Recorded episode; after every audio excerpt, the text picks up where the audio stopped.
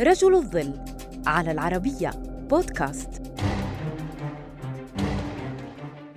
في الوقت الذي كان يشهد فيه العالم صراعات ونزاعات في سبعينيات القرن الماضي وكانت المؤشرات موجهة إلى حرب عالمية ثالثة في زمن الحرب الباردة. كان هناك من يعمل في الخفاء وراح يعقد اجتماعات سرية لإيقافها. إنه هنري كيسنجر. الدبلوماسي المثير للجدل. الشخص الذي يراه الكثيرون قد منع حروبا وأشعل أخرى. فما الذي كان يحيكه كيسنجر خلف الستار؟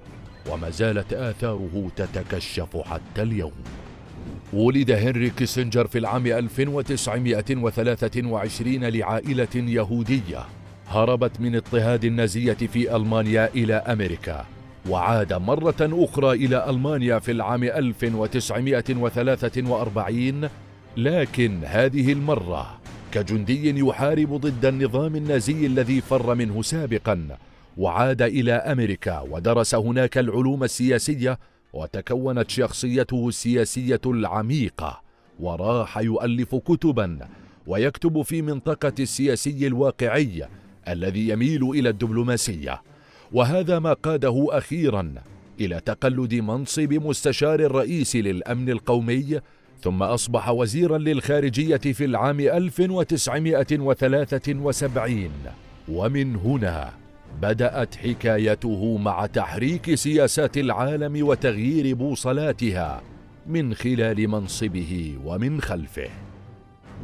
إنها بداية السبعينيات من القرن الماضي.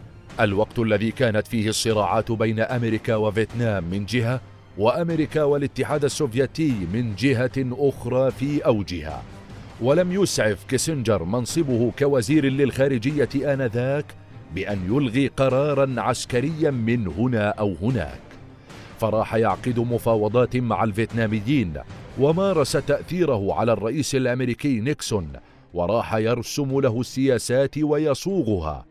ونجح كيسنجر أيضا في إقناع الأطراف الفيتنامية بوقف إطلاق النار وإيقاف حرب كانت ستكون أزلية. وفي الوقت نفسه كان كيسنجر يقوم بزيارات سرية إلى جمهورية الصين الشعبية حتى أعاد العلاقات الصينية الأمريكية.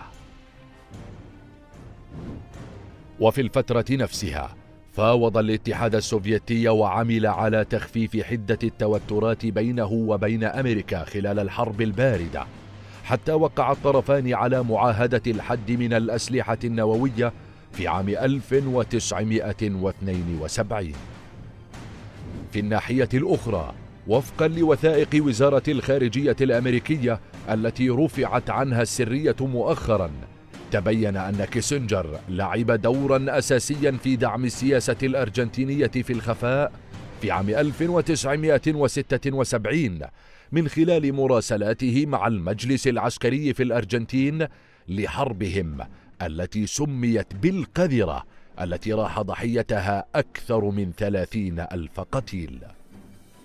وكذلك الحال في تشيلي فكان كيسنجر هو المهندس الرئيسي للسياسة الأمريكية ووجه الرئيس نيكسون للإطاحة بحكومة تشيلي المنتخبة ديمقراطيا في العام 1973 لأن هذه الحكومة يمكن أن تكون خبيثة من وجهة نظر كيسنجر.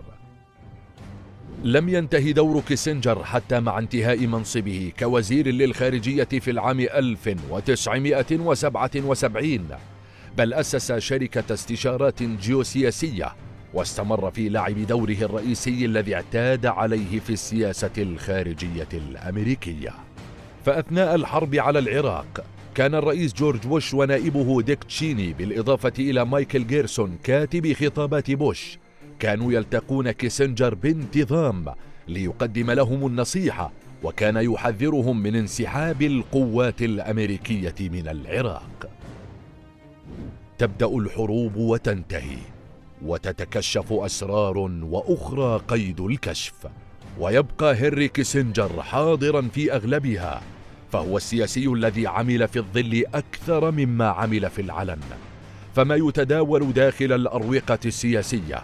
أن كيسنجر كان دائما المرجع والمستشار الرئيسي أثناء تشكيل إدارة كل رئيس جمهوري. جاء إلى الحكم في أمريكا.